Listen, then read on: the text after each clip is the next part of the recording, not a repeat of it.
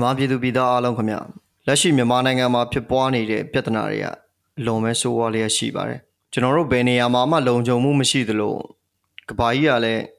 တကယ်ရက်ဆက်မှုတွေလူသားမဆန်မှုတွေနဲ့တွေ့ကြုံလာတဲ့အခါမှာဒီလူသားဆန်မှုနဲ့လူသားခွင့်ရေးတွေတကြိုးပမ်းနေတဲ့သူတွေကိုလစ်လျူရှုထားပါတယ်နိုင်ငံတကာမီဒီယာတွေကလည်းနောက်ထပ်အသစ်အသစ်သောသတင်းတွေနောက်ကိုလိုက်ပြီးတော့မြန်မာနိုင်ငံရဲ့သတင်းတွေကိုအဟောင်းတစ်ခုလိုပဲခြံခဲ့ပါတယ်ဘလို့ပဲသတင်းတွေကဟောင်းသွားဟောင်းသွား မြန်မာနိုင်ငံမှာဇက်တိုက်ဖြစ်ပွားနေတဲ့ဆိုးရွားရက်စက်မှုတွေကိုတော့မြန်မာပြည်သူတွေကအဆက်မပြတ်ခံနေရဆဲပဲဖြစ်ပါတယ်။နိုင်ငံတကာစာမျက်နှာမှာမြန်မာသတင်းတွေဟာနှဲပါသွားပေမဲ့ကျွန်တော်တို့တော်လန်ချင်းများနဲ့ခေတ်သစ်မြန်မာပြည်ပေါ့ကတ်ကတော့ပြည်သူတွေကပြည်သူနဲ့ဖန်တီးထားတာဖြစ်ပြီးကျွန်တော်တို့မြန်မာနိုင်ငံနဲ့အတူအမြဲတမ်းရပ်တည်သွားမှာဖြစ်ပါတယ်။ကျွန်တော်တို့ပေါ့ကတ်မှာຫນွေဦးတော်လန်ရေးနဲ့ကျွန်တော်တို့မြန်မာပြည်သူပြည်သားတွေရဲ့တော်လန်ချင်းများစွာကို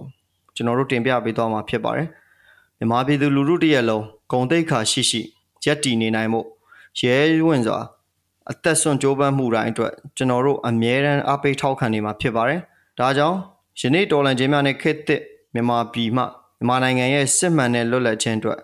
စေရောကိုပါလှုပ်ဆောင်နေတဲ့သူတွေကိုကျွန်တော်တို့ဒါဖိတ်ခေါ်ပြီးတော့အင်တာဗျူးတော့မှာဖြစ်ပါတယ်ခင်ဗျာ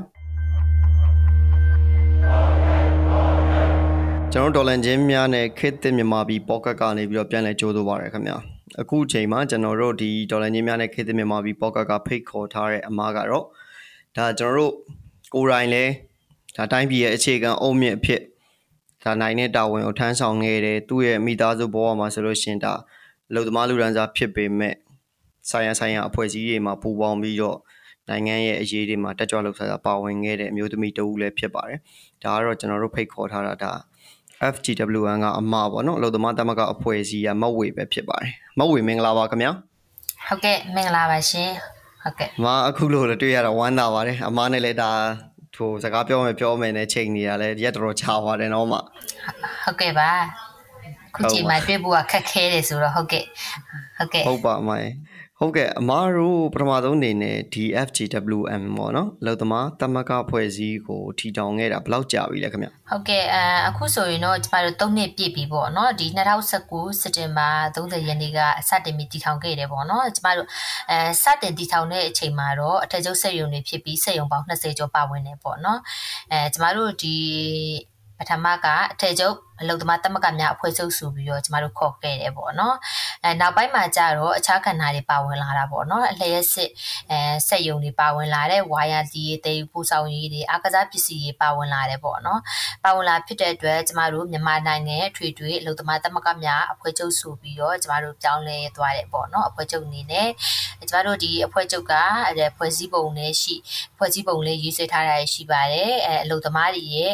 ပါဝင်ပြီးတော့ကိုတူကိုသားစနစ်နဲ့အဲအဲသွားတဲ့အဖွဲ့ချုပ်လည်းဖြစ်ပါတယ်ဟုတ်ကဲ့ဟုတ်ကဲ့ခင်ဗျကျေးဇူးတင်ပါတယ်အမအဲ့တော့အခုအမရဲ့ပေါ့နော်ဘဝအကြောင်းလေးရယ်ပြီးတော့အခုလိုမျိုးဒါဒီလူသမားတမကအထွေထွေလူသမားတမကအဖွဲ့အစည်းတွေကိုဝင်ပစ်ခဲ့တဲ့အကြောင်းလေးရယ်ကိုဒါနားထောင်သူတွေသိပါအောင် အမနဲ့ပို့ပြီးတော့လည်းရင်းနှီးအောင်တစ်ချက်ပြောပြပေးပါဦးမဟုတ်ကဲ့အဲကျမရဲ့ဘွားအကြောင်းကတော့ကျမက73နှစ်သမီးရဲ့ကအလုဆလုပ်ကြတာပေါ့နော်အလုဆလုပ်ကြတယ်အဲမိသားစုစာဝတ်နေရေးအခက်ခဲနေပေါ့နော်ဒီမိဘရဲ့ကျမကြီးအကြောင်းကျမကအဲကျောင်းနေရွယ်မှာကျောင်းမတက်ပဲနဲ့အလုဆလုပ်ခဲ့တယ်ပေါ့နော်ကျမစပြီးလုပ်ခဲ့တာကတော့စက်ရုံနှစ်ရုံရှိရပေါ့နော်တရုံကတော့ကျမဥပယ်ဝမ်ထိတ်ကျုပ်စက်ရုံမှာလုပ်ခဲ့တယ်ပေါ့နော်နောက်တရုံကကြတော့ကျမတို့ထိတ်တဲမြန်မာထိတ်ကျုပ်စက်ရုံမှာလုပ်ခဲ့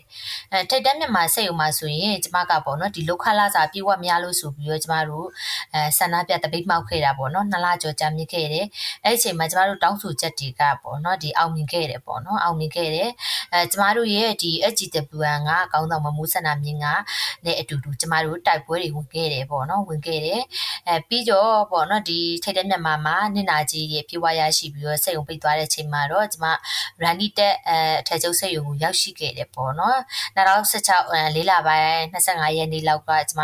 right တက်စိတ်ုံစတင်ပြီးအလုပ်ဝင်ခဲ့တယ်ပေါ့နော်ဒီ2019မှာအဲ3လပိုင်း73ရက်မှာတော့ကျမတို့စက်ရုံမှာပေါ့နော်လုပ်ငန်းငွေချိုးပေါက်မှုတွေရှိတာဖြစ်တဲ့အတွက်အဲကျမတို့တောင်းဆိုမှုတွေပြုလုပ်ခဲ့တယ်ပေါ့နော် running တက်စက်ရုံမှာအဲကျမတို့အဲတောင်းဆိုချက်တွေအောင်မြင်ခဲ့တယ်အဲတမကလည်းကျမတို့ဖွဲ့စည်းခဲ့တယ်ပေါ့နော်အဲအလုပ်သမားများရဲ့ရွေးချယ်တင်မောင်းမှုကြပဲကျမကဥက္ကဋ္ဌတူ ဖြစ်လာခဲ့တယ်ပေါ့နော်အဲကျမတို့ဒီ Randy တက်ဆက်ယုံကိုဟိုကျမတို့ပေါ့နော်ဒီ HGWR ကခေါင်းဆောင်မမှုဆန္ဒမြင်ကပေါ့နော်တမကအင်အားကောင်းမှုတမကရေရှည်ကြည်ကြမှုအတွက်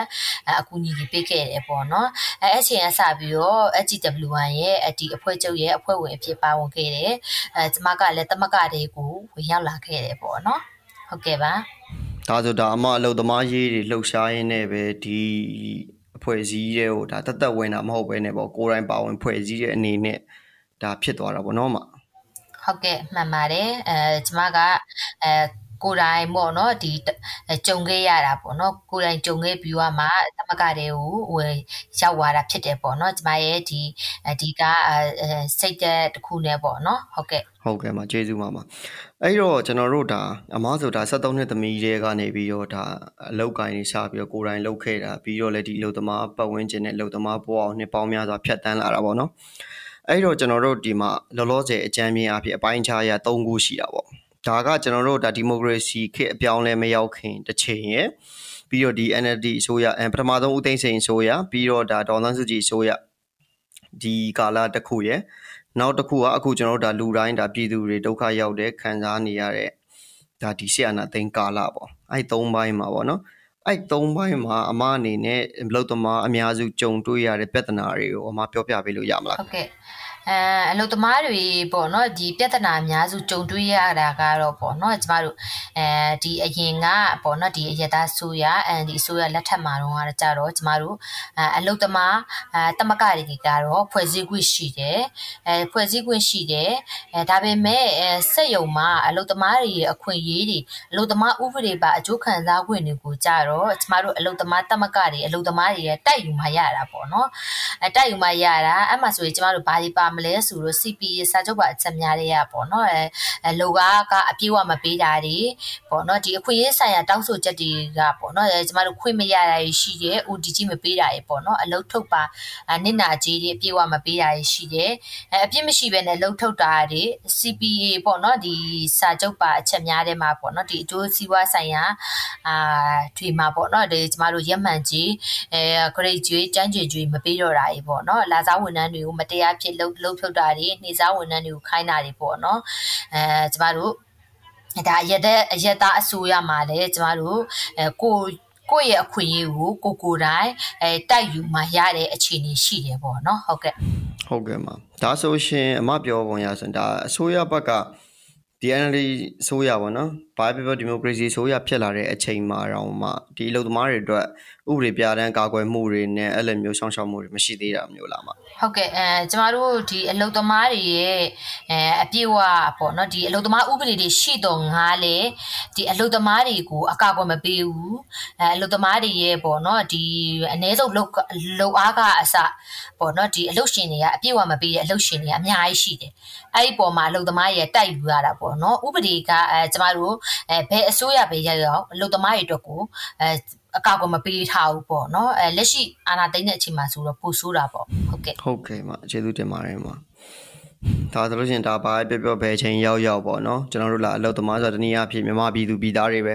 အဲ့တော့ကိုခွင့်ရေးအတွက်ကိုတိုက်ယူရတာကြီးပဲပေါ့မာရေဟုတ်ကဲ့ပါအဲ့တော့အမဒီ FGWM ရဲ့ဒီဒီအလုပ်သမားပေါ့နော်အထွေထွေအလုပ်သမားအဖွဲ့ကိုအမ ဝင်ရောက်ပြီးတော့ဒါဖွဲ့စည်းပြီးတဲ့အချိန်မှာပေါ့အဖွဲ့အစည်းရဲ့လှုပ်ဆောင်ချက်တွေနဲ့ဒီအလုပ်သမားတွေအတွက်ဆောင်ရွက်ခဲ့တဲ့အရာတွေပြောပြပေးလို့ရမလားမဟုတ်ကဲ့ပါဟုတ်ကဲ့ HWN ဘူပေါ့နော်လက်ရှိရဲ့လှုပ်ဆောင်ချက်တွေကတော့ကျမတို့မြန်မာနိုင်ငံ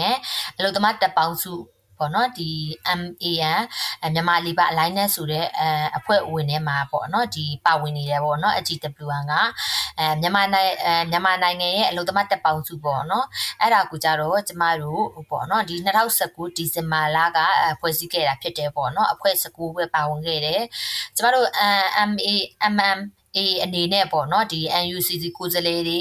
GSCB ကိုယ်စားလှယ်တွေအစားတော့ JCC ဆက်ကော်မတီတွေမှာပေါ့နော်ပါဝင်နေတယ်ပေါ့နော်အဲကျမတို့ရဲ့ဒီ MAN ကပုံမှန်အစည်းအဝေးတွေရှိသလိုအပြန်လန်းမျှဝေဆွေးနွေးတာတွေလည်းရှိတယ်ပေါ့နော်ဒီအလုံးစုံစီးပွားရေးပိတ်ဆို့မှုကိုလည်းပေါ့နော်ကျမတို့အဲ MAN အနေကဥဆောင်ပြီးတော့တော်လန်ရေးအဖွဲ့ပေါင်း200ကျော်နဲ့ပြုလုပ်ခဲ့တာတွေလည်းရှိပါတယ်ပေါ့နော်အဲပြည်တွင်းပြည်ပမှာဆိုရင်လည်းညီကိုမောင်နှမတွေနဲ့ပေါ့နော်တူညီတဲ့ပေါ့နော်တူညီတဲ့အဲမူဝါဒတွေကိုကျမတို့ပူးပေါင်းပြီးတော့လှုပ်ဆောင်တာရှိတယ်အဖွဲ့ချုပ်အနေနဲ့ပေါ့နော်ဟုတ်ကဲ့အဲဒါကတော့ဒီ HGWN လှုပ်ဆောင်ချက်လေးပေါ့နော်ဒီအလုပ်သမားတွေအတွက်အဲဆောက်ရွက်ချက်ကလေးကတော့ပေါ့နော်ဒီအလုပ်ရှင်အလုပ်သမားအဲနှစ်ပွင့်ဆိုင်ဖြည့်ရှင်းတာရှိရပေါ့နော်အဲအလုပ်ရှင်အလုပ်သမားကိုဒါနှစ်ပွင့်ဆိုင်ဖြည့်ရှင်းဖို့အတွက်ပေါ့နော်ဒီအလုပ်သမားတွေအနေနဲ့လည်းအဲအခွင့်အရေးဆိုင်ရာပေါ့နော်ဒီအကျိုးစီးပွား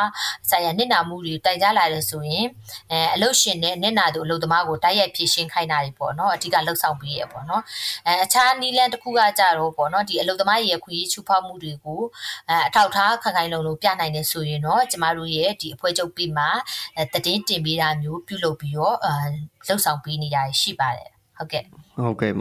အဲ့တော့အမားတို့အနေနဲ့ဒီအလုပ်သမားရေးတွေဆောင်ရွက်တဲ့အချိန်မှာပေါ့နော်အခုခေတ်ကာလကလည်းအရင်လိုမဟုတ်တော့အဲ့တော့ဒီ NLD အစိုးရလက်ထက်မှာတော့ကအမားတို့အတွက် ဒီအလုပ်သမားအဖွဲ့အစည်းတွေအတွက်ပေါ့ဟိုမှာအကြီးမားဆုံးစိန်ခေါ်မှုတွေဖြည့်ရှင်းရခက်တဲ့ပြဿနာတွေကဘာမျိုးတွေဖြစ်မလဲပေါ့ဟုတ်ကဲ့အဲကျမတို့ဒီအဓိကပေါ့နော်ဒီ စိန်ခေါ်မှုတွေကတော့ကျမတို့ပေါ့နော်အဲမတရားအာဏာသိမ်းတဲ့အဲလူသက်အာဏာရှင်လက်အောက်မှာပေါ့နော်ဒီအလုပ်သမားတွေရဲ့ပြဿနာကိုဖြေရှင်းတဲ့အဲဖြေရှင်းတဲ့အခါမှာကုညီရတာခက်ခဲမျိုးစုံနဲ့စိန်ခေါ်မှုမျိုးစုံရှိတယ်ပေါ့နော်အဲအရင်ကဒီအလုပ်ရှင်အလုပ်သမားပြဿနာတွေကိုမြေပြင်မှာတောင်းဆိုမှုတွေကိုညှိနှိုင်းမှုပြုလုပ်ခဲ့တယ်ပေါ့နော်အဲအခုချိန်မှာတော့လူလဲစုလို့မရအငင်းပွားမှုဖြစ်ရှိရန်နေရတွေကလည်းအသုံးမဝင်တော့ပေါ့နော်အသုံးမဝင်တော့ဖြစ်တဲ့အတွက်ပေါ့နော်နောက်ကျမတို့ရဲ့ဒီအဖွဲ့ချုပ်အနေနဲ့ကတိတ်ရှောင်ရင်းနဲ့အလုပ်သမားပြဿနာတွေကူညီနေရတာဖြစ်တဲ့ဆိုတော့ပိုပြီးခက်ခဲတာပေါ့နော်အဲအခက်ခဲကတော့ကျမတို့ဒီအဖွဲ့ချုပ်အနေနဲ့ကူညီပေးနိုင်တာတော့အလုပ်သမားတွေအနေနဲ့အလုပ်ရှင်ရဲ့ချိတ်ချောက်မှုတွေကြောင့်ပြဿနာတွေမှာဖြည့်ရှင်းပြီးတော့အဲဖြည့်ရှင်းမှုတွေမှာပေါ့နော်လိုက်ပါဆောင်ရွက်မှုတွေကအားနည်းနေတာရှိတယ်ပေါ့နော်ဒါကလည်းကာလအခြေအနေနဲ့မတူညီတဲ့အပေါ်မှာကျမတို့အလုပ်သမားတွေကိုနားလည်တယ်ပေါ့နော်အဲအလုပ်သမားတွေအနေနဲ့ကလည်းအခက်အခဲတွေကိုတိုက်ကြလာမှုအပေါ်မှာကျမတို့အဖွဲ့ချုပ်နေတဲ့ကတော့အရင်ပုံစံမျိုးနဲ့ကူညီတာမျိုး ကူညီမကူညီပေးနိုင်ပေမဲ့ပေါ့နော်ဒီအဲအလုပ်သမားရဲ့အခက်အခက်ခဲပြဿနာတွေကိုကျမတို့ကကိုယ်တိုင်ဖြေရှင်းမဲ့နီးလိုင်းတွေကိုပေါ့နော်စိတ်ခွန်အားတွေပေးတယ်အဲအလုပ်စိတ်ခွန်အားတွေပေးတာရှိတယ်ပေါ့နော်ဒီအလုပ်ရှင်တွေရဲ့စစ်အာဏာရှင်လက်အောက်မှာအလုပ်သမီးအလုပ်သမားဝင်ကြီးဌာနတွေကလည်းအဲချိတ်ဆောက်မှုကြောင့်ပေါ့နော်ဒီအလုပ်ချို့အလုပ်သမားချို့တွေဆိုရင်အဖွဲ့ချုပ်နဲ့ဆက်သွယ်မှုကြောက်ကြတယ်ပေါ့နော်အဲကြောက်တဲ့အလုပ်သမားတွေရရှိကြတယ်ဒါကြောင့်လည်းပြဿနာတွေကိုမဖြေရှင်းရဲပဲနဲ့ပေါ့နော်နစ်နာသွားတဲ့အလုပ်သမားကြီးကများစွာရှိတယ်ပေါ့နော်အဲကျမအနေနဲ့လည်းအဲအရင်ဒီလိုမျိုးအခြေအနေကိုမြေပြင်မှာရေးဆိုင်နိုင်ခဲ့တော်လဲဒီလိုကာလမှာကစိတ်ခေါ်မှုတွေကပေါ့နော်ဒီအခက်ခဲဆုံးတွေဖြစ်ပါတယ်ပေါ့နော်ဟုတ်ကဲ့ဟုတ်ကဲ့ပါ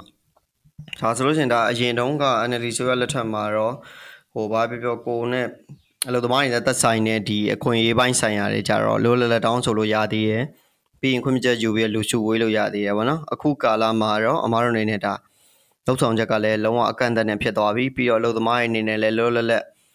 ထုတ်ပေါ်ဆန္ဒပြခွင့်လည်းမရှိသလိုမတရားမှုတော်တော်များများလည်းခေါင်းငုံခံနေရတဲ့အနေအထားပေါ့နော်မ ဟုတ်ကဲ့ဟုတ်ကဲ့အဲကျမတို့ဒီရတဆိုရအန်ဒီလက်ထက်မှာတော့ကအဲကျမတို့တွေပေါ့နော်လွတ်လပ်စွာတမင်ဖွဲ့စည်းခွင့်ရှိတယ်ပေါ့နော်အဲရှိတယ်ဥပဒေမှာရှိခဲ့တယ်ကျမတို့တမကတွေဖွဲ့စည်းခဲ့တယ်ပေါ့နော်ဒါပေမဲ့အလုတ်ရှင်ကတော့သူတို့အကျိုးမြတ်တွေကိုသူတို့ရဲ့အလုတ်သမားတွေရှိရပေါ့နော်လိုအားကတွေကိုဖျက်ယူတာဖြစ်တဲ့အတွက်အလုတ်ရှင်ကတော့တမကဖွဲ့စည်းဖို့တာတွေကို လက်မခံတဲ့အလုတ်ရှင်တွေကများတယ်ပေါ့နော်နီးမျိုးစုံနဲ့ဖြတ်တာတွေပေါ့နော်အဲအခြားဝင်ကြီးဌာနတွေနဲ့ပူးပေါင်းပြီးတော့တမကမဖြစ်လာဖို့အတွက်ဒီသွားတာကြီးလည်းရှိတယ်ပေါ့နော်အဲဒါပေမဲ့ကျမတို့ဥပဒေမှာတော့အရသားဆိုရလက်ထက်မှာကလွတ်လပ်စွာတမင်ဖွဲ့စည်းခွင့်ရှိတယ်ပေါ့နော်အဲကျမတို့ဒီလုပ်ငန်းဝင်ထဲမှာချုပ်ဖောက်မှုတွေရှိတယ်ဆိုရင်လည်းကျမတို့ပေါ့နော်ဒီအဲတောင်းဆိုမှုတွေဆန္ဒပြအတပိမှောက်တောင်းဆိုမှုတွေလုပ်ခဲ့တာတွေလည်းကျမတို့ရှိတယ်ပေါ့နော်ဟုတ်ကဲ့ပါအမားက ကျွန်တော်ခုနပြောသလိုပဲပေါ့နော်ဒီအလုတ်သမားရေးရနဲ့ပတ်သက်ပြီးတော့ကိုယ်တိုင်လည်းဒီအဖွဲ့အစည်းမှာကိုယ်တိုင်ကိုကြပါဝင်နေပြီးတော့အတွေ့အကြုံတွေလည်းအများကြီးဖြတ်တန်းမှုရဆိုတော့အမားရဲ့ဘဝမှာဒီအလုတ်ရှင်ရဲ့ဖိနှိပ်မှုတွေကိုဒါငယ်ငယ်တုန်းကပါနော်အမ73နှစ်သမီးတွေကဒါအလုတ်စားလုပ်တယ်မိဘရဲ့အခြေအနေနဲ့ကိုကလည်းမိဘပြန်ပံ့မှုပေးခြင်းတဲ့အနေထားမှာအဲ့တော့အမားကြုံတွေ့ဘူးတဲ့ဒီအလုတ်ရှင်တွေရဲ့ဖိနှိပ်မှုတွေနဲ့ဒီအလုတ်လုပ်တဲ့အချိန်မှာပေါ့နော် ကိုအသက်ငယ်ငယ်လေးလှုပ်ရတဲ့အချိန်မှာကိုလုံးဝဟိုဆင်းရဲဒုက္ခရောက်ခဲ့ရတဲ့အခက်အခဲမျိုးရှိဘူးလားမဟုတ်ကဲ့အဲကျမအနေနဲ့ကကြတော့ဘောနော်ဒီစာဝတ်နေရေးအခြေအနေရဲ့ကျမရဲ့မိမိသားစုပေါ့နော်ဒီကျမရဲ့အရာရဲ့ကျမအလုပ်လုပ်ခဲ့တယ်ပေါ့နော်အလုပ်လုပ်ခဲ့တဲ့အပေါ်မှာအဲလုပ်ငန်းရှင်တွေကပေါ့နော်လုပ်ငန်းရှင်တွေကအဲ အဲအသက်ရွယ်နဲ့မလိုက်ပေါ့နော်ကျမအသက်မပြည့်တာကိုလည်းလှုပ်ရှင်တွေကသိတယ်အသက်မပြည့်တဲ့ကျမလိုပဲဘဝတူအသက်မပြည့်တဲ့လူသမားတွေအများကြီးရှိတယ်ဟုတ်ပါအသက်မပြည့်တဲ့အလုပ်သမားတွေကိုပေါ့နော်အသက်အရွယ်နဲ့မလိုက်ခိုင်းစီတာရှိတယ်ပေါ့နော်ကျမတို့အဲဒါကဒီအဲအသက်နဲ့မလိုက်ပေါ့နော်ကျမတို့ပေပေမမန်လုပ်ခဲ့ရရှိတယ်ပေါ့နော်ရှိတယ်အဲ အခက်ခဲတွေကတော့ကျမအတွက်ပေါ့နော်အများကြီးရှိတယ်။အဲဘာဖြစ်လို့လဲဆိုတော့ကျမကအသက်အလုတ်သွားအလုတ်ပြန်ချိန်ဒီမှာဆိုရင်ဒါ OT ဆင်းတာတွေ all in ဆင်းရတာရှိတယ်ပေါ့နော်။ကျမအဲအဲ့ချိန်ကတော့ကျမကဒီအသက်မပြည့်ဒီပဲဒါဟုတ်ပါခလေးတို့တော့ပြောလို့ရသေးတယ်ပေါ့နော်73နှစ်ဆိုတော့ပေါ့နော်အဲဒီလိုသွားအဲဒီလိုအလုတ်သွားအလုတ်ပြန်နေသွားရတာဒီလုံခြုံမှုမရှိဘူးပေါ့နော်လုံခြုံမှုမရှိဘူးလုပ်ငန်းဝင်ထဲမှာလည်းကျမတို့အဲလုပ်ငန်းရှင်ရဲ့ဖိနှိပ်မှုပေါ့နော်လုပ်ငန်းရှင်ရဲ့ဖိနှိပ်မှုတွေရဲ့အောက်မှာအလုတ်ရှင်ရဲ့ကပ်ပါစီပေါ့နော်စူပါနီတာတွေကနေသစဉ်အဲဖိနှိပ်တာမျိုးလည်းရှိတယ်ပေါ့နော်အဲကျမတို့ဒီအလုတ်သမားကိုပေါ့နော်ဆဲဆူတာရိုင်းပြဆိုတာဆဲဆူတာပေါ့နော်အဲအတုံးမကြဘူးပေါ့နော်ဒါဒါမျိုးအဲလုပ်ငန်းရှင်ထဲမှာအဲလုပ်ငန်းရှင်တွေရဲ့ပေါ့နော်ဒီ capacity တွေကလုပ်ငန်းဝင်ထဲမှာပေါ့နော်ကျမအဲပြောမဆိုရင်ဖိနှိပ်မှုများစွာကိုကြုံခဲ့ရတယ်ပေါ့နော်ဟုတ်အဲမနိုင်ဝင်ကိုလည်းကျမထမ်းခဲ့ရတယ်ပေါ့နော်ဟုတ်အဲ့ဒီအချိန်မှာအမအနေနဲ့ဟိုကို တိုင်တန်းလို့ရမယ်အဖွဲ့အစည်းမျိုးတွေရှိခဲ့ဘူးလားလူပုဂ္ဂိုလ်ဖြစ်ဖြစ်အဖွဲ့အစည်းဖြစ်ဖြစ်ပေါ့ဘယ်လိုမျိုးဖြည့်ရှင်းလဲမဟုတ်အဲအဲ့ဒီချိန်တုန်းကကြတော့ကျမတို့အဲတမကတွေဆိုတာကျမဖြစ်မဖြစ်လာသေးဘူးပေါ့နော်မဖြစ်လာသေးဘူးအဲလုပ်ငန်းဝင်ထဲမှာရှိရဆိုရင်တော့မှကျမတို့အလုပ်လုံနိုင်ရင်လုံမလုံနိုင်ထွက်ဆိုတဲ့ပုံစံမျိုးအနေထားနဲ့ပဲသွားရတာပေါ့နော်တိုင်တန်းစရာနေရာမရှိဘူးအဲအခုလိုအလုပ်သမားအဖွဲ့အစည်းတွေလည်းပေါ်ထွက် လာသေးဘူးပေါ့နော်ရှိတော့ရှိလိမ့်မယ်ဒါပေမဲ့အနေချင်းပေါ့နော်အဲအနေချင်းပဲရှိလိမ့်မယ်ဟိုဟိုလက်လန်းမိတလောက်ဆိုရင်ကျမအနေနဲ့ကကြတော့ပို့ပြီးဝေးကွာတာပေါ့နော်အဲအဲအရွယ်တော့ပေါ့ဟုတ်ကဲ့ဟုတ်ကဲ့မ အဲ့ဒီလုပ်ငန်းခွင်ထဲမှာရောအမားတို့အပေါ်မှာပေါ့နော်ဒီမှာပေါ့ဟိုရုပ်ပိုင်းဆိုင်ရာအဲ့လိုမျိုးပြီးရင်စိတ်ပိုင်းဆိုင်ရာစော်ကားတာမျိုးတွေရောအဲ့လိုမျိုးတွေရောကြုံရတာရှိလားမဟုတ်ကဲ့အဲကျမကြုံရတာဆိုရင်အဲကျမအဆက်ယုံမှာပေါ့နော်ဒီကျမ73နှစ်သမီးရဲ့စလုပ်တဲ့အဲ open one ဆက်ယုံမှာတော့ငါ အဲကျမကြုံခဲ့ရတာကပေါ့နော်နောက်ဆုံးကျမအလုပ်ကိုပေါ့နော်ရှက်ရှက်ကြက်ကြောက်နေပဲကျမအလုပ်ထွက်ကြတာပေါ့နော်စူပါကအဲကျမကိုလက်ညှိုးထိုးပြီးတော့ပေါ့နော်အဲပြောဆိုတာပေါ့နော်ပြောဆိုတာအဲဒါရရဆက်တိုင်းနေလည်းပြောတယ်ပေါ့နော်ရရဆက်တိုင်းနေလည်းပြောပြီးတော့ကျမဒါအလုပ်ထွက်ခဲ့ရတာပေါ့နော်အဲ့အခြေအနေကဒါကျမအတွက်ပေါ့နော်ဒီစပြီးအလုပ်လုပ်တဲ့ချိန်မှာအဲနာကြီးချက်နာကြီးဆုံးဖြစ်မယ် ဖြစ်မယ်ပေါ့နော်အဲကျမကဒါတွေကြုံတွေ့ပြီးတော့အော်ငါတို့စက်ယုံနေမှာအလုပ်သမားတမကရမရှိဘူးလို့ငါတို့ဒီလိုမျိုးအဲကျမလိုပဲဘွားတူအများကြီးခံစားရမှာဖြစ်တယ်ဆိုတဲ့အတွက်ပေါ့နော်ကျမဒီတမကတဲ့ကိုပေါ့နော်ဒီနာကြီးချက်တွေနဲ့ပါဝင်လာတာဖြစ်ပါတယ်ပေါ့ဟုတ်ကဲ့ဟုတ်ကဲ့မအခုလိုမျိုးဒါအမားရဲ့ကိုပါချင်တဲ့အတွေ့အကြုံတွေကိုလည်းဒါတကယ်ဟိုတတိရှိရှိနဲ့မျှဝေပေးကြလေကျေးဇူးတင်ပါတယ်မှာ အဲ့လိုမျိုးဒါအဲ့အချိန်တုန်းကဆိုလို့ရှိရင်ဒါစစ်ကောင်စီအနေနဲ့ပြောမစို့အဲ့တော့နာဖအစိုးရတယ်ပေါ့နော်ဒီစစ်အစိုးရရဲ့အုပ်ချုပ်နေတဲ့အတိုင်းဒါမှာဆိုလို့ရှိရင်အခြေခံလူဒန်းစားအင်မတန်ဖိနှိပ်ခံရတယ်ပြီးရင်အမပြောသလိုအမတို့လိုမျိုးပေါ့နော်မတရားဖိနှိပ်ခံရတာတွေပြီးရင်လောက်ခွင်မှာအသက်မပြည့်ပဲခိုင်းတာတွေဒါတွေအတွက်လည်းဘာမှကာဝယ်ဆောင်ရှောက်ပေးမဲ့သူလည်းမရှိသလိုဟိုလှုပ်ပေးကင်ပေးမဲ့သူလည်းမရှိပေါ့နော်အဲ့အနေထားတွေအများကြီးကြုံတွေ့ခဲ့ရမှာပဲအမအဲ့တော့ဟိုအမားတို့အခုပေါ့နော် လက်ရှိမှာလှုပ်ဆောင်နေတဲ့လှုပ်ဆောင်ချက်တွေကလည်းဒါဘာပဲပြောပြောကိုနိုင်နဲ့ဝင်ကိုထမ်းနေတာလည်းအင်မတန်ကောင်းပါတယ်ဒါပေမဲ့ကျွန်တော်အနေနဲ့ပြောမယ်ဆိုရင်တော့အလုပ်သမားကြီးဆိုတာလည်းနိုင်ငံရဲ့အရေးပါပဲဘာဖြစ်လို့လဲဆိုတော့နိုင်ငံတနိုင်ငံမှာအခြေခံအလုပ်သမားတွေနဲ့တည်ဆောက်တာပြီးတော့အခြေခံလုံသမားတွေလောက်ခလာကြအရှင်ပြေမှသူတို့ရဲ့လူနေမှုဘဝအရှင်ပြေမှနိုင်ငံတနိုင်ငံတည်ငြိမ်ပြီးတော့တိုးတက်တဲ့နိုင်ငံအဖြစ်ရပ်တည်နိုင်တာပေါ့နော်အဲ့တော့လက်ရှိမှာဒီ NUG ပေါ့နော် National Union Government ပေါ့ ဒီအမျိုးသားညီညွတ်ရေးအစိုးရအနေနဲ့အမားတို့အလုပ်သမားအဖွဲ့အစည်းတွေကိုတိုးတက်အောင်မြင်အောင်လောကကိုင်ရပို့ပြီးတော့အရှင်ပြေအောင်ပေါ့ဒီဒေါ်လာရင်းကာလမှာပံ့ပိုးကူညီပေးတာမျိုးတွေရှိလားဟုတ်ကဲ့အဲကျမတို့အနေနဲ့ကပေါ့နော်ဒီ NUG ဆိုတဲ့ပေါ့နော်ဒီအဲအစိုးရပေါ်ထွက်လာတဲ့အချိန်မှာကျမတို့အဲဝမ်းတာခဲ့တယ်ပေါ့နော်ဝမ်းတာခဲ့တယ်အဲကျမတို့ပေါ့နော်ဒီအလုပ်သမားတွေအတွက်ကိုအကာအကွယ်အဲပေးအပြည့်အဝကာကွယ်ပေးနိုင် ပေးနိုင်ဖို့ကတော့မရှိဘူးပေါ့နော်။ဘာဖြစ်လို့လဲဆိုတော့လက်ရှိအခက်ခဲများစွာထဲမှာဖွဲ့စည်းထားတဲ့အဖွဲ့အစည်းဖြစ်တဲ့အတွက်ပေါ့နော်။ကျမတို့အနေနဲ့ကကြတော့ပေါ့နော်ဒီဖွဲ့ချုပ်တွေအနေနဲ့အကပေါ့နော်ဒီလူသမားဖွဲ့စည်းကိုအဲ NUG ကိုပေါ့နော်အဲအဖွဲ့အဖွဲ့အစည်းတွေက NUG ကိုဟိုအားကိုးတယ်ပေါ့နော်အားကိုးတယ်ဒါပေမဲ့အဲကျမတို့ဒီအလုပ်သမားတွေအတွက်တော့ပေါ့နော်လက်ရှိလုပ်ပေးနိုင်တာတွေကတော့အရန်နေသေးတယ်ပေါ့နော်ဟုတ်ကဲ့ခင်ဗျာ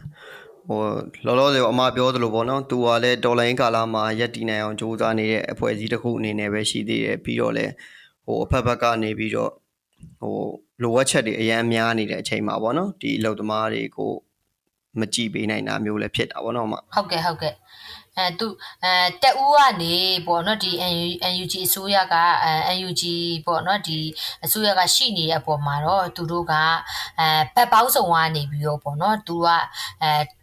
အဲတိုက်ပွဲဝင်ပြီးတော့တိုးနေရဖြစ်တဲ့အတွက်ပေါ့နော်နိုင်ငံတကာနဲ့ရောကျမတို့အဲလက်ရှိမြန်မာနိုင်ငံမှာရောဗတ်ပေါင်းဆိုကနေပြန့်ကျက်ပြီးလောက်ကြတာဆိုတော့ပေါ့နော်အဲအပြည့်ဝကြီးမလုပ်ပေးနိုင်ဘူးပေါ့နော်ဟုတ်ကဲ့ဟုတ်ကဲ့အမကျေးဇူးတင်ပါတယ်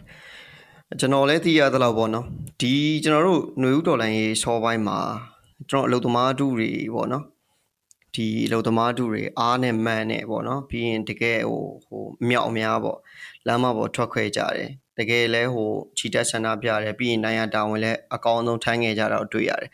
အဲ့လိုမျိုးအတိုင်းအတာတစ်ခုရောက်လာဖို့အထိအမားတို့ဟိုဘယ်လိုမျိုးပြောဆိုစီယုံလိုက်ရလဲအမ ဟုတ်ကဲ့အဲဒီຫນွေဥတော်လည်းရေးမှာဆိုရင်ကျမတို့အလုပ်သမားတွေအနေနဲ့ပေါ့နော်အဲအလုပ်သမားတွေအနေနဲ့ကဒီအဲအာနာဆတ်သိမ်းတာပေါ့နော်ကျမတို့ဖေဖော်ဝါရီလ1ရက်နေ့မှာအာနာဆတ်သိမ်းပြီဆိုတဲ့ကအဲကျမကအဲ့တော့ကလုပ်ငန်းဝင်တွေကမှအလုပ်သမားကောင်းဆောင်တအုပ်ပဲရှိသေးရဲ့ပေါ့နော်ကျမတို့အလုပ်သမားကောင်းဆောင်တွေကစိုးရင်ကြတယ်ဘာလို့စိုးရင်တာလဲဆိုတော့ငါတို့ဒီလိုအာနာသိမ်းတာကိုပေါ့နော်မတရားဖြစ်အချက်ဘက်ဖွဲ့စည်းအာနာသိမ်းတဲ့အပေါ်မှာကျမတို့ကငါတို့ညှိခံနေမယ်ဆိုရင်ငါတို့စစ်ကြုံဘွားကိုရောက်ရတော့မယ်ပေါ့နော်လူမသိသူမသိရောက်ရတော့မယ်ဆိုတော့ ဖြစ်တဲ့အတွက်ငါတို့ဆန္ဒကိုငါတို့ပြဖို့လိုတယ်ပေါ့နော်ငါတို့အလုပ်သမားတွေရဲ့ဖိနှိပ်ခံလွတ်မြောက်ဖို့အတွက်စ조사ရမှာဖြစ်တယ်ပေါ့နော်အခုလိုအာနာသိမ့်လိုက်တော့ကျမတို့အလုပ်သမားတွေရဲ့ဖိနှိပ်ခံကနေပြီးတော့အဲစစ်ကြုံဘဝကိုပေါ့နော်ကျမတို့ရောက်ရတော့မယ့်အဖြစ်ကိုကျမတို့တော်လှန်ရမယ်ပေါ့နော်ငြိမ်လို့မဖြစ်ဘူးဆိုပြီးတော့ကျမတို့ခေါင်းဆောင်တွေအားလုံးကစုပ်ပြတ်ချက်တွေချခဲ့ရပေါ့နော်အဲချပြီးတော့ကျမတို့ဖေဖော်ဝါရီလ9ရက်နေ့မှာပဲလုပ်ငန်းခွင်မှာမတူညီတဲ့ပုံစံတွေနဲ့ကျမတို့လှုပ်ရှားမှုတွေလုပ်ခဲ့ရပေါ့နော်စက်ယုံပေါင်းစက်ယုံကျော်ပေါ့နော်လူဦးရေ12000မှာပါဝင်ပြီးတော့ကျမတို့လှုပ်ရှားမှုတွေလုပ်ခဲ့တယ်ဖေဖော်ဝါရီလ6ရက်နေ့မှာကျမတို့လူဦးရေနေတောင်နီးပါးကနေပြီးတော့ကျမတို့ရန်ကုန်မြို့ပါရမီစိန်ကီယာကနေလှဲတန်းထိကိုကျမတို့အလုပ်သမားတူကနေပြီးတော့ခြိတက်ဆန္ဒပြခဲ့တယ်ပေါ့နော်အဲ့မှာတော့ကျမတို့ចောင်းသားအချိုလည်းပါခဲ့တယ်ပေါ့နော်အဲအဓိကကတော့အလုပ်သမားတွေကအဲထမစ်ကြိုက်တွေဆွဲပြီးတော့ယုံကြည်မှုအပြည့်တွေနဲ့ပါဝင်ခဲ့တယ်ပေါ့နော်အဲ့လိုပါဝင်ခဲ့ဖို့အတွက်ကိုလည်းကျမတို့အလုပ်သမားခေါင်းဆောင်တွေကပေါ့နော်အဲအလုပ်သမားတွေကိုယုံကြည်မှုတွေကိုကျမတို့တိဆောက်ထားတာပေါ့နော်ဒါအရင်တည်းကအရှိဆုံးကနေခေါင်းဆောင်တွေကသွားတာဖြစ်တဲ့အတွက်အခုငါတို့ဒီတပိတ်တိုက်ပွဲကနော်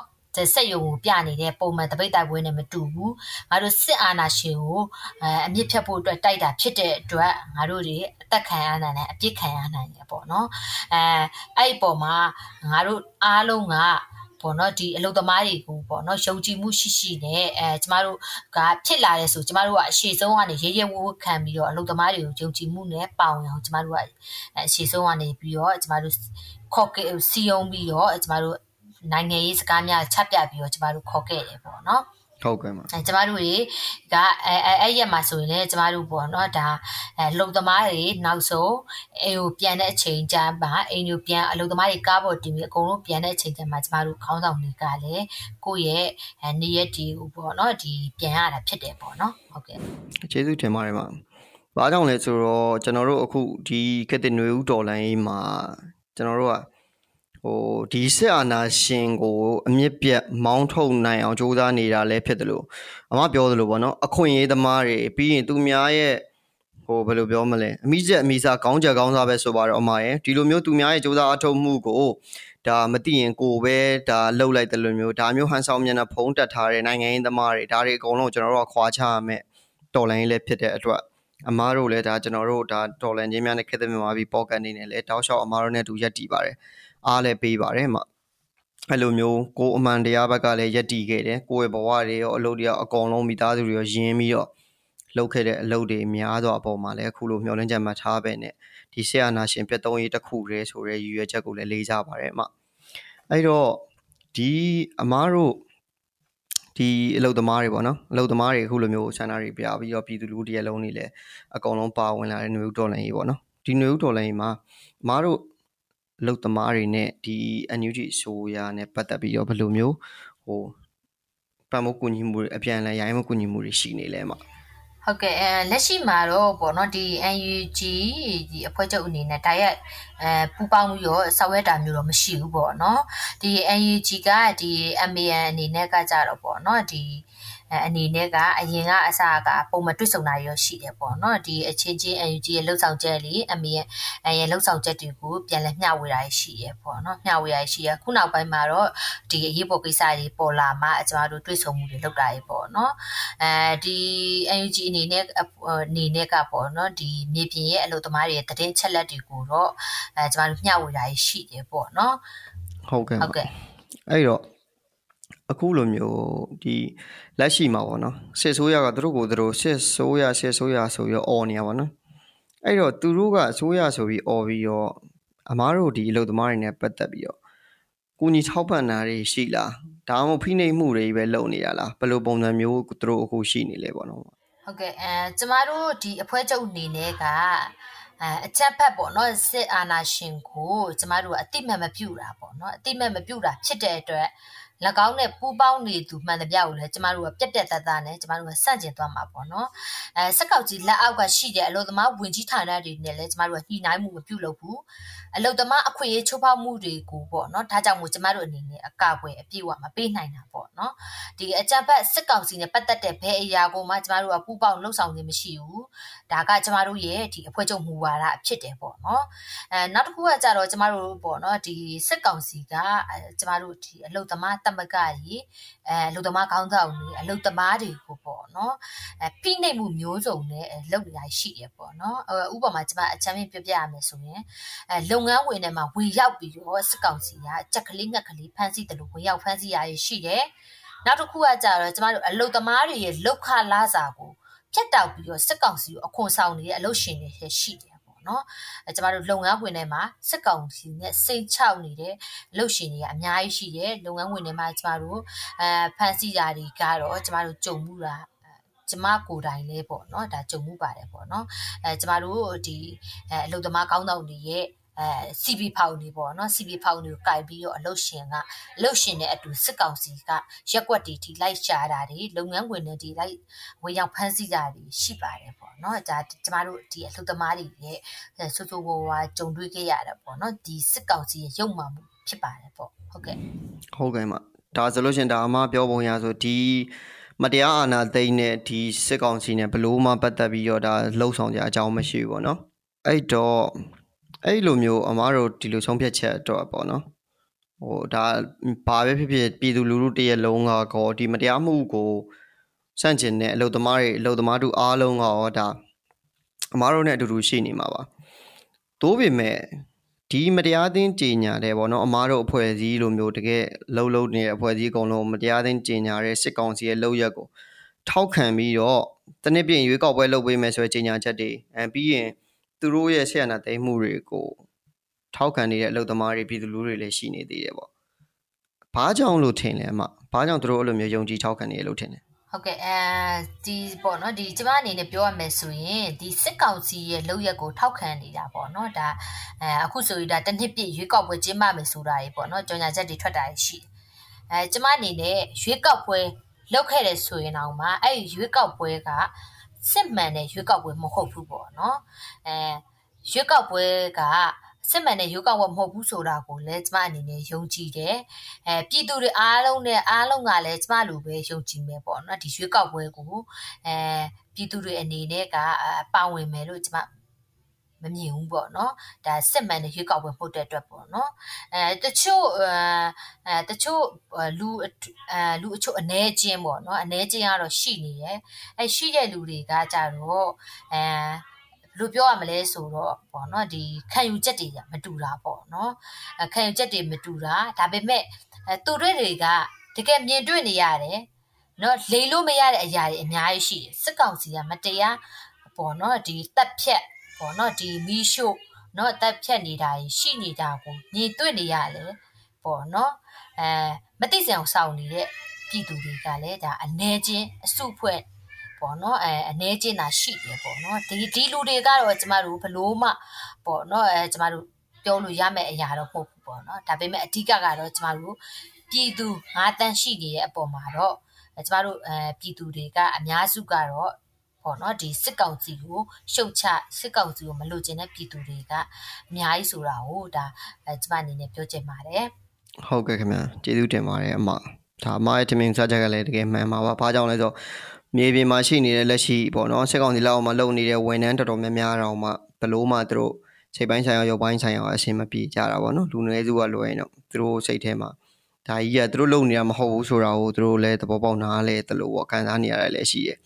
ဒီလိုပဲပြည်သူတွေကပြည်သူဖြစ်တဲ့ဒီလုံသမားတူကလည်းအမပြောသလိုပဲဖြစ်နေမှာပါအဲ့တော့ဒီလက်ရှိနေဦးတော်လိုင်းမှာပေါ့နော်ကျွန်တော်တို့ဒါတစ်ချိန်တော့ဆိုတော့ဒါပြည်သူတွေတော်တော်များများပေါ့အတိုင်းအတာတစ်ခုထိဆန္ဒပြခဲ့ကြတယ်ဒါမဲ့လက်ရှိအချိန်မှာသူတို့မိသားစုအခြေအနေတွေကြောင်းရောပေါ့နော်လက်ရှိနိုင်ငံရဲ့အခြေအနေကြောင်းရောဒီတော်လိုင်းမှာဟိုလုံးလုံးလျားလျားမှာပါဝင်နိုင်တဲ့အလုပ်သမားတွေအနေနဲ့ပေါ့လက်ရှိတော်လိုင်းအတွက်ဘယ်လိုအခန်းကဏ္ဍတွေကနေပါဝင်နိုင်မယ်လို့ထင်လဲမှာဟုတ်ကဲ့ အဲပေါ့နော်ဒီຫນွေဦးတော်လန်ရေးမှာပေါ့နော်ဒီရှေ့ကျုံကနေပြီးတော့ဒုနဲ့တင်တဲ့လုံသမားတွေကရေရဝန်းဝန်းနဲ့အဲဆန္ဒပေါ့နော်ဒီကိုပေါ့နော်ဒီဖတ်ပြခဲ့တာပေါ့နော်ဒီမျိုးတော်လန်ကြီးတို့မပါဝင်ခဲ့တယ်ပေါ့နော်ရှေ့ဆုံးကနေပါဝင်ခဲ့တဲ့အလုပ်သမားတွေอ่ะပေါ့နော်အဲအသက်တွေဆုံးရှုံးသွားတဲ့အလုပ်သမားရှိရမတရားဖန်ဆီးခံရရရှိရထွက်ပြေးတိမ်းချောင်ပြီးအလုပ်ပြုတ်သွားတဲ့အလုပ်သမားတွေရှိရပေါ့နော်အဲလုပ်ငန်းဝင်ထဲမှာလည်းနိုင်ငံရေးမတည်ငြိမ်မှု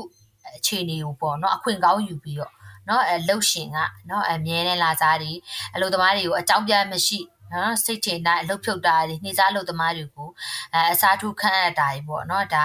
လုပ်ငန်းဝင်ထဲမှာရှိနေတာတွေပေါ့နော်အနည်းဆုံးလူအားကအောက် short ပေးတာတွေပေါ့နော်အဲအနည်းဆုံးလူအားက4800ရှိပြီးတော့3600ပဲပေးနေတာတွေအဲလုပ်သမားတွေလှုပ်အားကိုညှစ်ထုတ်ပြီးတော့အာသမခိုင်းစီတာတွေရှိနေတယ်ပေါ့နော်ဒါလုပ်သမားတွေကလုပ်ငန်းဝင်ထဲမှာကြုံတွေ့နေရတာတွေပေါ့နော်အဲဒီအလုပ်သမားတွေအနေနဲ့ကလည်းအဲမတူညီတဲ့ကဏ္ဍတွေမှာလူတော်လန်ရေးမှာရှေ့ဆုံးကနေပါဝင်တယ်လို့ နောက်ဆုံးထိကျမတို့အဆုံးထိမှာလည်းကျမတို့အလုပ်သမားတွေကရှိနေပါမှာအာရှိနေမှာဖြစ်တယ်ပေါ့နော်ကျမတို့အာရှိနေမှာဖြစ်တယ်အဲမတူညီရဲ့နေရာတွေမှာအာပါဝင်လှုပ်ဆောင်နေတယ်ပေါ့နော်တရားကဏ္ဍမတူညီရဲ့ကဏ္ဍတွေမှာပေါ့နော်စစ်အာဏာရှင်ပြုတ်ကြဖို့အတွက်နီးမျိုးစုံဗတ်ပေါင်းစုံမှာပါဝင်နေပါတယ်ပေါ့နော်ဒီကျမတို့အလုပ်သမားတွေအနေနဲ့ဟုတ်ကဲ့ ကျေးဇူးတင်ပါတယ်ခင်ဗျဟိုဒီနေ့တော့ဆိုလို့ရှိရင်လည်းဒါအမားတို့ဒီလူသမားဖွဲ့စည်းရပဲเนาะကလေးတွေပေါ့ကလေးတွေရိုက်ထားတဲ့ဗီဒီယိုလေးတွေ့လိုက်တယ်ပေါ့ဒါကျွန်တော်တို့ကုလသမဂ္ဂတန်မတ်ကြီးအနေနဲ့ဦးကျော်မိုးထွန်းဆက်လက်ခံထားရေးပေါ့ပြီးရင်ကျွန်တော်တို့ဒီမြန်မာနိုင်ငံရဲ့အစိုးရက NUG ဖြစ်တဲ့ဆိုတာကိုအသိမှတ်ပြုရေးပေါ့ဒါနဲ့ပတ်သက်ပြီးတော့ဒီ sign communication sign petition လုပ်တဲ့ဟာပေါ့နော်အဲ့လုပ်တဲ့ဟာကိုသူတို့ဒါတိုက်တွန်းထားတဲ့ဗီဒီယိုလေးဆိုတကယ်ကလေးတွေရဲ့စိတ်ကစားချက်နဲ့တကယ်ဟိုဘယ်လိုပြောမလဲတကယ်ပြီးပင်နေပေါ့နော်သူတို့ တကယ်စိတ်တရားခံစားချက်နဲ့ပြောတဲ့ပုံစံမျိုးလေးတွေပေါ့လောက်ထားတာကိုတွေ့ရတယ်အဲ့ဒါနဲ့ပတ်သက်ပြီးတော့ဆိုလို့ရှိရင်ဒါကျွန်တော်တို့လည်းတော်တော်ဝမ်းသာတယ်ပေါ့ဘာပြောပြောအဲ့လိုအဖက်ဖက်ကနေခန္ဓာပေါင်းစုံကနေတိုက်တွန်းပေးရမယ်နောက်ဆုံးကိုဘာမှမလုပ်နိုင်ဘူးဆိုရင်တော့မှပေါ့နော်ဒီလိုမျိုး campaign လေးအတွက်က campaign ပညာပေးလေးလုပ်ရမယ်။ဘာကြောင့်လဲဆိုတော့အလုပ်သမားတို့အများစုကကြတော့ကျွန်တော်တို့ဤပညာနဲ့ဝေးတယ်ပေါ့မှာရယ်။ဤပညာနဲ့ဝေးတဲ့အခါမှာဒီလိုမျိုး competition လေးတွေလုပ်တဲ့ဒီ sign ထိုးရမယ်ပေါ့နော်လက်မှတ်ထိုးရမယ်လက်မှတ်ကောက်ခံတဲ့ပွဲတွေမှာဆိုရင် ဒီအခြေခံမှာရှိတဲ့လူတော်တော်များများကပါမလာတာကိုတွေ့ရတယ်အဓိကအချက်ကတော့သူတို့ကဤပညာနဲ့ဝေးတာပြီးရင်ဒီဘယ်လိုလုပ်ရမလဲဆိုတာမသိတာပေါ့နော်အဲ့အတွက်ပညာပေးလေးတွေလုပ်ပေးထားတာပေါ့အလုပ်သမားဖွဲ့စည်းတွေရောဘာပြောရိုက်ပေးထားတဲ့ဟာလေးအတွက်ဒီ The Voice of Spring ကနေလည်းတင်ပေးထားတယ်တွေ့ရတယ်အရန်ဟိုချိန်နဲ့တယ်ပေါ့အားနဲ့ပတ်သက်ပြီးတော့လေအဲ့လိုမျိုးပညာပေးဖို့ဟာလေးတွေလည်းအများကြီးလိုအပ်နေပါသေးတယ်ပေါ့နောက်မှမြေပြင်မှာဆိုလဲဟုတ်ကဲ့ဟုတ်ကဲ့ အဲကျမတို့ဒီပေါ့နော်ဒီဥကြောင်မိုးထုံကိုလာသမကမှာပေါ့နော်ပြန်လဲနေရာရရှိဖို့အတွက်ကိုပေါ့နော်ကျမတို့ဆက်ပြီးတည်ရှိဖို့အတွက်ပေါ့နော်ကျမတို့ပေါ့နော်ဒီ ကျမတို့ GSCP တို့ကျမတို့ပေါ့နော်ဒီခန္ဓာပေါင်းစုံကနေပြီးတော့ပူပေါင်းမှုလှုပ်ဆောင်တာရှိတယ်ပေါ့နော်အဲ့မှာဆိုရင်ကျမတို့မြေပြင်တပိတ်ထွက်တာတွေပေါ့နော်မြေပြင်တပိတ်ထွက်တာတွေရှိတယ်အဲနောက်တစ်ခုကကြတော့ကျမတို့ photo campaign ပေါ့နော် photo campaign တွေရှိတယ် profile chain တာတွေနောက်တော့ကျမတို့လက်မှတ်ထိုးတာရှိတယ်ပေါ့နော်အဲ့လက်မှတ်ထိုးတဲ့ပုံမှာလေကျမတို့ကပေါ့နော်ဒီဗီဒီယိုအတူလေးကိုကျမတို့ပညာပေးအနေနဲ့ရိုက်လိုက်ရတဲ့ရည်ရွယ်ချက်ကပေါ့နော်ကျမတို့ရဲ့ဒီအလုတ်သမား အများစုကအီးမေးမရှိကြဘူးပေါ့နော်အီးမေးမရှိကြဘူးအဓိကသူတို့ဝင်ရောက်ပြီးတော့လက်မှတ်ထိုးမယ်ပါဝင်မယ်ဆိုတာဆိုရင်တော့မှသူတို့အီးမေးကိုအရင်ဖွင့် ဖွင့်ဖို့လိုအပ်တာပေါ့နော်ဒီအလုပ်သမားများစုဟာအီးမေးပိုင်းကိုမကျွမ်းကျင်ကြတဲ့အလုပ်သမားကြီးရှိတယ်ပေါ့နော်အဲဒါကြောင့်မို့ကျမတို့ကပညာပေးလေးကိုလုပ်တာဖြစ်တယ်ထပ်ပြီးတော့လည်းကျမတို့ဒီအဖွဲ့ချုပ်အနေနဲ့အဲပညာပေးအဲလုပ်ငန်းတွေကိုလည်းလှုပ်ဆောင်ရမယ်အဲနိုင်ငံရေးမှာလည်းကျမတို့အဲပေါ့နော်ဒီဘက်ပေါင်းစုံကနေပါဝင်ပါဝင်သွားမယ်ပေါ့နော်ကျမတို့ပါဝင်တဲ့အဲပါဝင်မဲ့နီလန်းအစုံနဲ့ပေါ့နော်ဟုတ်ကဲ့ ဟုတ်ကဲ့ကျေးဇူးတင်ပါတယ်အမဘောဆိုအခုလိုမျိုးအမတို့ဒါစပြီးလုပ်နိုင်တာတွေလည်းဒါအများကြီးကျွန်တော်တို့လည်း welcome ဖြစ်ပါတယ်ပြီးတော့လည်းကျေးဇူးလည်းတင်တယ်ဘာကြောင့်လဲဆိုတော့တကယ်လိုအပ်နေတယ်ပေါ့နော်အမပြောသလိုတကယ်ဟိုပုံမှန်လူငယ်တယောက်အနေနဲ့က email တစ်ခုဆိုတာပေါ့နော်မခတ်ဘူးကျွန်တော်တို့တော့မှ email ၄၅ခုသုံးနေရတယ်တို့ပေမဲ့တကယ်တာမှန်လူတယောက်မှဆို email ကိုဘယ်လိုဖွင့်ရမှန်းတော့မသိဘယ်လိုတော့မှန်းတော့မသိတဲ့လူတွေလည်းအများကြီးဖြစ်နေရပါတော့။ဘာကြောင့်လဲဆိုတော့ dollar in ကာလာမှာပိုရေးကြည့်တာပေါ့တကယ် sign competition တွေမှာက ကျွန်တော်တို့ဒီ email တွေမရှိဘူးပေါ့နော်ပြီးရင်ကိုယ်နာမည်တော့မထည့်တတ်ဘူးဆိုတဲ့အနေအထားတွေမှာဒုက္ခရောက်မယ်ပေါ့နော်အဲ့လိုမျိုးတွေအများကြီးတွေ့ကြုံရတာရှိတယ်ပေါ့အဲ့လိုမျိုးပညာပေးလေးလုပ်ပေးရတော့လည်းအမတို့ကျေးဇူးတင်ပါတယ်ကျွန်တော်တို့လည်းအများကြီးဒီချက်ပို့ပြီးလုပ်ပေးနိုင်ဖို့လည်းမျှော်လင့်ပါတယ်အမအဲ့တော့နောက်ထပ်မေကွန်းတစ်ခုအနေနဲ့ပေါ့နော်အမားတို့ဒီအလုပ်သမားတွေဆိုတာကဘာပဲပြောခဲ့ဆက်ဆက်အသုံးချခံခဲ့ရတဲ့ဒီအဖွဲ့အစည်းတော်တော်များများအတွက်လည်းပေါ့နော်ဟိုနိုင်ငံရေးသမားတော်တော်များများပေါ့အမပြောသလိုပြောရမယ်ဆိုလို့ရှင်တော့ ဟိုတကယ်တကယ်ဒုက္ခရောက်လာတဲ့အခါမှာကိုယ်အလုပ်သမားတွေပဲကိုယ်တိုင်ရုန်းကန်ကြရတာပဲဆိုတာမျိုးပေါ့နော်နိုင်ငံရေးသမားဆိုတာဒီမိုကရေစီလက်ထက်မှာဆိုလဲဒီမဲဆွယ်ကာလရောက်ခံနေကြမှပြုံးနေဆိုပေါ်လာတဲ့သူတွေအမတ်တွေလည်းရှိတာပေါ့အဲပြီးွားရင်လည်းဆီယနာရှင်ကတော့အိုက်ထဲဆဲသားလောက်ဆိုတော့ပေါ့နော်ဘာမှဟိုခယူမဆိုင်တဲ့ပုံစံမျိုးပေါ့အဲ့တော့နောက်ပိုင်းမှာကျွန်တော်တို့အခုလက်ရှိသွားနေတဲ့ຫນွေဥတော်လိုင်းရဲ့အဓိကပင်မှာချက်ချဖြစ်တဲ့ Federal Democracy နိုင်ငံပေါ့နော်မြန်မာနိုင်ငံ Federal Democracy နိုင်ငံတစ်ခုဖြစ်လာမယ်ဆိုရင်အမအနေနဲ့ဘယ်လိုပုံစံမျိုးနဲ့ဒီအလုပ်သမားတို့တွေအတွက်ဘယ်လိုရက်တည်သွားမလဲစဉ်းစားထားလဲပေါ့နော်ပြီးတော့ကိုယ်တိုင်စဉ်းစားထားတဲ့အစီအစဉ်တွေအတွက်ရောအမအဖွဲ့အစည်းကိုဆွေးနွေးတိုင်ပင်ကောင်းထည့်ဖော်ပြီးလို့ရနိုင်မယ်လို့ထင်လားဟုတ်ကဲ့အဲ အဲကျမတို့အနေနဲ့ပေါ့နော်ဒီအဖွဲ့ချုပ်အနေနဲ့ကအဲပေါ့နော်ဒီခေတ်ဆက်ဆက်ကအတုံးချခံရတာဖြစ်တဲ့အလုပ်သမားတွေအတွက်ကိုပေါ့နော်အဲအလုပ်သမားတွေကိုထပ်ပြီးတော့အမေရိကန်ထားအောင်มาလားပေါ့နော်ထပ်ပြီးတော့အမေရိကန်သွားမယ်ဆိုရင်တော့ကျမတို့ကဘယ်အာလာရှင်မျိုးမဆိုကျမတို့ကအဲ့စနစ်ကိုကျမတို့ကခြေမိုးသွားမှာဖြစ်တယ်ပေါ့နော်ဒါကတော့ကျမပထမဆုံးအနေနဲ့အဲကျမတို့အဓိကလိုချင်တဲ့ပေါ့နော်ဖက်ဒရယ်ဒီမိုကရေစီနိုင်ငံဖြစ်ဖို့အတွက်ဆိုရင် ကျမတို့ရဲ့ပေါ့နော်ဒီအလုသမားတွေရဲ့အတန်တွေကိုအလုသမားတွေမြေပြင်မှာဖြစ်ပြီးကြုံတွေ့နေရတဲ့အလုသမားတွေအတန်တွေကိုကျမတို့ပါဝင်အောင်ကျမတို့လုပ်မယ်ပေါ့နော်အဓိကကတော့ကျမတို့ဒီအလုသမားတွေကိုရဲ့အတန်ကိုကျမတို့ပါဝင်အောင်လုပ်မယ်အဲနောက်တစ်ခုကကြတော့ကျမတို့ဒီအဖွဲ့အနေနဲ့ကပေါ့နော်ဒီလက်ရှိအဲမူမူဝါဒတွေရေးဆွဲတာကြီးပေါ့နော်တဲ့ဖက်တွေဖွဲ့စည်းပုံရေးဆွဲတာကြီးမှာလည်းအဲ ပေါ့နော်ဒီကျမတို့ရဲ့ဒီအလုသမားတက်ပေါင်းစုအနေနဲ့လည်းပါဝင်နေရရှိရပေါ့နော်အဖွဲ့အစည်းအနေနဲ့အဲပေါ့နော်ဒီပါဝင်ရေးဆွဲတာရှိတယ်ပေါ့နော်အဲအဲ့ဒါတွေကတကယ်စစ်မှန်တဲ့အရာတွေဖြစ်ပါစေလို့ပဲကျမအနေနဲ့ပေါ့နော်အဲစစ်မှန်တဲ့အရာတွေကိုကျမတို့ကဒီအလုပ်သမားရဲ့အတန်တွေကိုထည့်ပေးနေတာဖြစ်တယ်ပေါ့နော်ဒီကိုယ်တိုင်ရေးဆွဲနေတဲ့လူတွေကလည်းတကယ်စစ်မှန်တဲ့အလုပ်သမားရဲ့အတန်ကိုထည့်ဖို့အတွက်ကျမအနေနဲ့တိုက်တွန်းနေပေါ့နော် ဟုတ်ကဲ့စစ်မှန်တဲ့အရာတွေဖြစ်မယ်လို့လည်းကျမအနေနဲ့မျှော်လင့်ပါတယ်ပေါ့ဟုတ်ကဲ့ဟုတ်ကဲ့မှာဒါဆိုတာပထမဆုံးအနေနဲ့အကောင့်ထဲမဖော်ခင်ပေါ့နော်ကိုပါတွေဖြစ်ချင်တဲ့ဒီဟိုဟာနဲ့ပတ်သက်ပြီးတော့တကယ်လို့သမားတွေရဲ့အတန်ကိုနားထောင်ပေးဖို့လိုတာပေါ့နော်သက်ဆိုင်အဖွဲ့အစည်းတွေကဟုတ်ကဲ့ဟုတ်ကဲ့ဟုတ်မှာ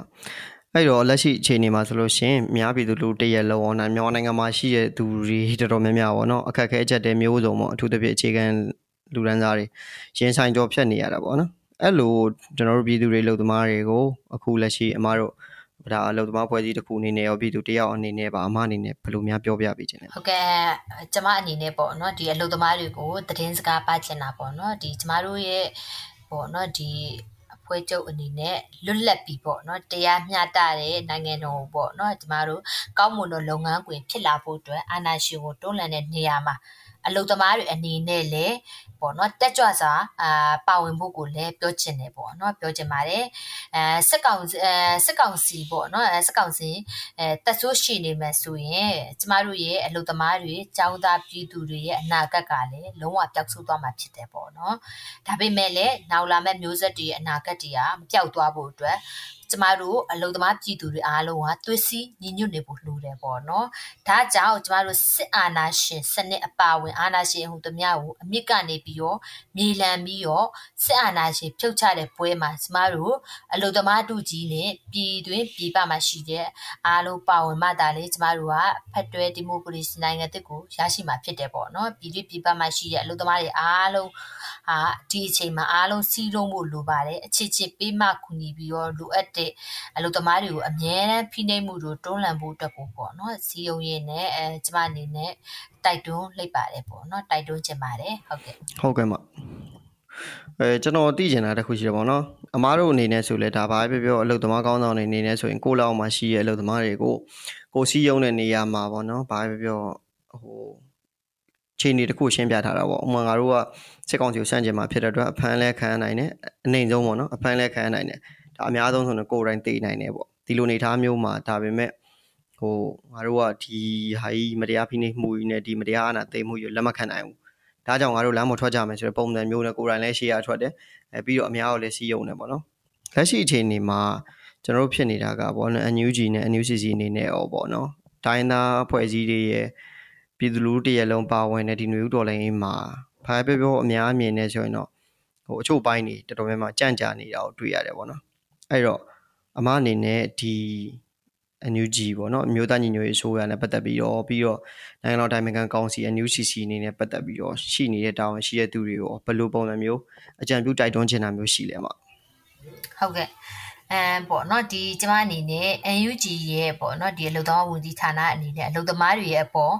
ကျင်းနောက်ကျင်းနဲ့လောက်တဲ့အခြေအနေလှုပ်ဆောင်ပြတာမရှိဘူးပေါ့နော်အလုပ်သမားရဲ့အပေါ်မှာ NUG အစိုးရကအတိမတ် အဲပေါ့နော်ပြုမှုကိုလည်းအားအားရစရာမရှိဘူးပေါ့နော်ကျမအနေနဲ့အဲအလုသမားရှူရောက်ကနေပြီးတော့မြင်တာပြောရမယ်ဆိုရင်တော့အနှွေဦးတော်လန်ရေးရှေ့ဆုံးကနေဒူးနဲ့တေနဲ့ပါဝင်တဲ့အလုသမားတွေဖြစ်တယ်ပေါ့နော်ဒီတော်လန်ရေးရှေ့ဆုံးကပါဝင်တဲ့အလုသမားတွေကအသက်တွေဆုံးယုံခဲ့တယ်မတရားဖမ်းဆီးခံရတယ် ထွက်ပြေးတိတ်ဆောင်တဲ့အလုပ်ပြုတ်သွားတဲ့အလုပ်သမားတွေကို UNG အနေနဲ့လုပ်ပေးတာတွေကိုဒါမတွေ့ရှိရဘူးပေါ့နော်ဒါလုံလက်ရှိလုပ်ငန်းဝင်တွေမှာလည်းပေါ့နော်ဒီအလုပ်သမားတွေလွတ်လပ်စွာတမင်ဖွဲ့စည်းဖို့အလုပ်သမားအခွင့်အရေး CBA စာချုပ်တွေပေါ့နော်ဒီများစွာအလုပ်သမားတွေရင်ဆိုင်နေရတာရှိတယ်ပေါ့နော် UNG အနေနဲ့လုပ်ပေးတာတွေမတွေ့ရဘူးပေါ့နော်အငင်းပွားမှုဖြည့်ရှင်းဖို့အတွက်ကိုနစ်နာသူအလုပ်သမားတွေကပြည်တွင်း မြေပြင်မှာရှိနေပြီးတော့မြေပြင်မှာမရှိသေးတဲ့အပေါ့နော်ဒီ NUG အစိုးရအနေနဲ့ဖြစ်ရှင်းနိုင်ဖို့ကဆိုတာမလွယ်ကူနိုင်ဘူးဆိုတာကိုတော့နားလေတယ်ပေါ့နော်ဒါပေမဲ့လည်းအဲနိုင်ငံတကာကောအမတ်စက်ကောအမတ်တစိတ်တွေကနေအစိုးရဖိအားပေးတာမျိုးကိုလည်းတိုက်တွန်းလှုပ်ဆောင်စေခြင်းနဲ့ပေါ့နော်ဒီအဲ အသက်ဆုံးရှုံးသွားတဲ့အလုပ်သမားတွေထွက်ပြေးတိမ်းရှောင်ရင်အလုပ်ပြုတ်နေတဲ့ပေါ့နော်ဒီအလုပ်လက်မဲ့ဖြစ်နေတဲ့ခက်ခဲနေတဲ့အလုပ်သမားတွေကိုပေါ့နော်ဒီ UU UG အနေနဲ့တရအလုံးအနေနဲ့လှုပ်တင်တာတွေကိုလှုပ်နိုင်ဖို့အတွက်ကိုတိုက်တွန်းခြင်းနဲ့ပေါ့နော်အဲကျမတို့မြန်မာနိုင်ငံအလုပ်သမားတပ်ပေါင်းစုအနေနဲ့လဲပေါ့နော်အလုပ်သမားရေးဆောင်ရွက်တဲ့လှုပ်ဆောင်ရတွေမှာ UNG အနေနဲ့ရှေ့ဆောင်လမ်းပြဥဆောင်ပါဝင်လာခြင်းကိုလည်းအဲ ပါဝင်ခြင်းကိုလည်းတိုက်တွန်းနေပေါ့နော်အလုသမားတွေကိုလည်းထပ်ပြီးတော့အဲကျမတို့အလုသမားတွေထပ်ပြီးအမေရောခံမဖြစ်စေချင်ဘူးပေါ့နော်ဟုတ်ကဲ့ကျေးဇူးတင်ပါတယ်မှာအခုလိုမျိုးဒါအမားရဲ့ကိုယ်တိုင်တွေ့ကြုံနေရောပွဲစည်းနဲ့ပတ်သက်ပြီးတော့ဒါဖြတ်တန်းကြော်ဖြတ်လာတဲ့အတွေ့အကြုံတွေရောပေါ့နော်ပြီးတော့အမားဖြစ်စေခြင်းနဲ့ဆန္ဒလေးတွေကိုဒါကျွန်တော်တို့ဒေါ်လန်ချင်းများနဲ့ခက်တဲ့မြန်မာပြည်ပေါ့ကတ်မှာလာပြီးမျှဝေပေးတဲ့အတွက်လည်းအထူးပဲကျေးဇူးတင်ရှိပါတယ်အမ ဟုတ်ကဲ့ကျေးဇူးတင်ပါတယ်ရှင်ကျမကလည်းအခုလိုမျိုးအဲအလုပ်သမားတွေရဲ့အတန်ပေါ့နော်အလုပ်သမားတွေရဲ့ကိုစားဖြည့်ခွင့်ရတဲ့အတွက်ကျမကလည်းအထူးပဲဝမ်းသာပါတယ်ဟုတ်ကဲ့ဟုတ်ကဲ့ခင်ဗျာရှေ့ဆက်ပြီးတော့လည်းဒါကျွန်တော်တို့လာမဲ့ Federal Democracy နိုင်ငံတော်မှာအမှားတို့အလုပ်သမားအဖွဲ့အစည်းတွေရောဒါမြန်မာပြည်သူလူထုတရက်လုံးလဲကိုတာဝန်ထမ်းဆောင်တဲ့အလျောက်ပေါ့နော်ရတင်ရတဲ့အခွင့်အရေးတွေနဲ့ ပြီးတော့တကယ် agent နဲ့ပြည်သူဘဝကိုလည်းအမြန်ဆုံးရရှိပါစေလို့ကျွန်တော်တို့ဒါအကောင်းဆုံးဆုမအောင်တောင်းပေးလိုက်ပါတယ်ခင်ဗျာဟုတ်ကဲ့ကျေးဇူးတင်ပါတယ်ကျွန်တော်တို့ရဲ့တော်လန်ချင်းများနဲ့ခစ်တစ်မြန်မာပြည်ပေါ့ကတ်ကိုအဆုံးထိတေချာနားထောင်ပေးရတဲ့အရန်ပဲဝမ်းသာရပါတယ်ခင်ဗျာဒီချိန်ဒီကာလကကျွန်တော်တို့မြန်မာနိုင်ငံကိုချစ်မြတ်နိုးတဲ့သူတိုင်းအတွက်အရန်ခက်ခဲစိတ်ပင်ပန်းနေရတဲ့ကာလလည်းဖြစ်ပါတယ်ကျွန်တော်ကိုယ်တိုင်လည်းအရန်စိတ်ပင်ပန်းရပါတယ်တခါတလေလုံးဝစိတ်ပြက်လက်ပြက်ဖြစ်သွားတဲ့အချိန်တွေလည်းရှိပါတယ် ဘလို့ပဲဖြစ်ဖြစ်ပေါ့ဗျာဒီခစ်ဆိုးစနစ်ဆိုအဆုံးသတ်ဖို့အတွက်ကျွန်တော်တို့မှာလည်းတာဝန်ရှိသလိုနိုင်ငံသူနိုင်ငံသားတိုင်းမှာတာဝန်ရှိပါတယ်ခင်ဗျာဒါကြောင့်ဘာတွေဘလို့ပဲကြုံရကြုံရအာတင်းပြီးတော့ဒီစစ်အာဏာရှင်အမြင့်ပြည့်ရေးမြန်မာနိုင်ငံအမြန်ဆုံးအေဂျင့်ရေးနဲ့တိုးတက်ရေးကိုကျွန်တော်တို့ရှေ့ရှုပြီးရှေ့ဆက်နေရမှာဖြစ်ပါတယ်သတင်းချက်လက်ရယူခြင်းရဲ့အဓိကအကျိုးသက်ရောက်မှုကကျွန်တော်တို့ဒါနိုင်ငံတွင်းအခြေအနေတွေကိုနိုင်ငံတကာမီဒီယာတွေသိစေမယ်သူတို့ကိုအာရုံစိုက်စေမယ်ပြီးတော့ကျွန်တော်တို့ຫນွေဦးတော်လန်ရေးအတွက်အသက်တွေအထောက်အထားတွေကိုစူးစီးပေးနိုင်ခြင်းပဲဖြစ်ပါတယ် ကျွန်တော်တို့ရဲ့စ조사အားထုတ်မှုတွေကိုတကယ်သဘောကျနှစ်ချိုက်တယ်ဆိုရင်ဒါကျွန်တော်တို့ရေရှည်ရက်တီရေးအတွက်ဝိုင်းဝန်းပံ့ပိုးပေးဖို့ကျွန်တော်ဒါတိုက်တွန်းလိုပါတယ်ကျွန်တော်စေတနာရှင်တွေနားထောင်တဲ့သူတွေရဲ့လာစဉ်ပံ့ပိုးကူညီမှုတွေဒါအမှမဟုတ်တစ်ချိန်ဆိုတစ်ချိန်ထိထိရရောက်ပေးဖို့လှူဒန်းမှုတွေကဒါကျွန်တော်တို့ရှေ့ဆက်ဖို့အတွက်အရန်ရေးကြီးပါတယ်ခင်ဗျာဒါကြောင့်အဲ့လိုမျိုးဝိုင်းဝန်းပံ့ပိုးကူညီမှုတိုင်းကိုလည်းကျွန်တော်အထူးပဲကျေးဇူးတင်ပါကြောင်းသိပေးလိုက်ရပါတယ်ခင်ဗျာမြမပြည်အမြန်ဆုံးလွတ်လပ်ပါစေပြည်သူများ အမှန်မြင်၍အမြင်မှန်နိုင်ကြပါစေခင်ဗျာ။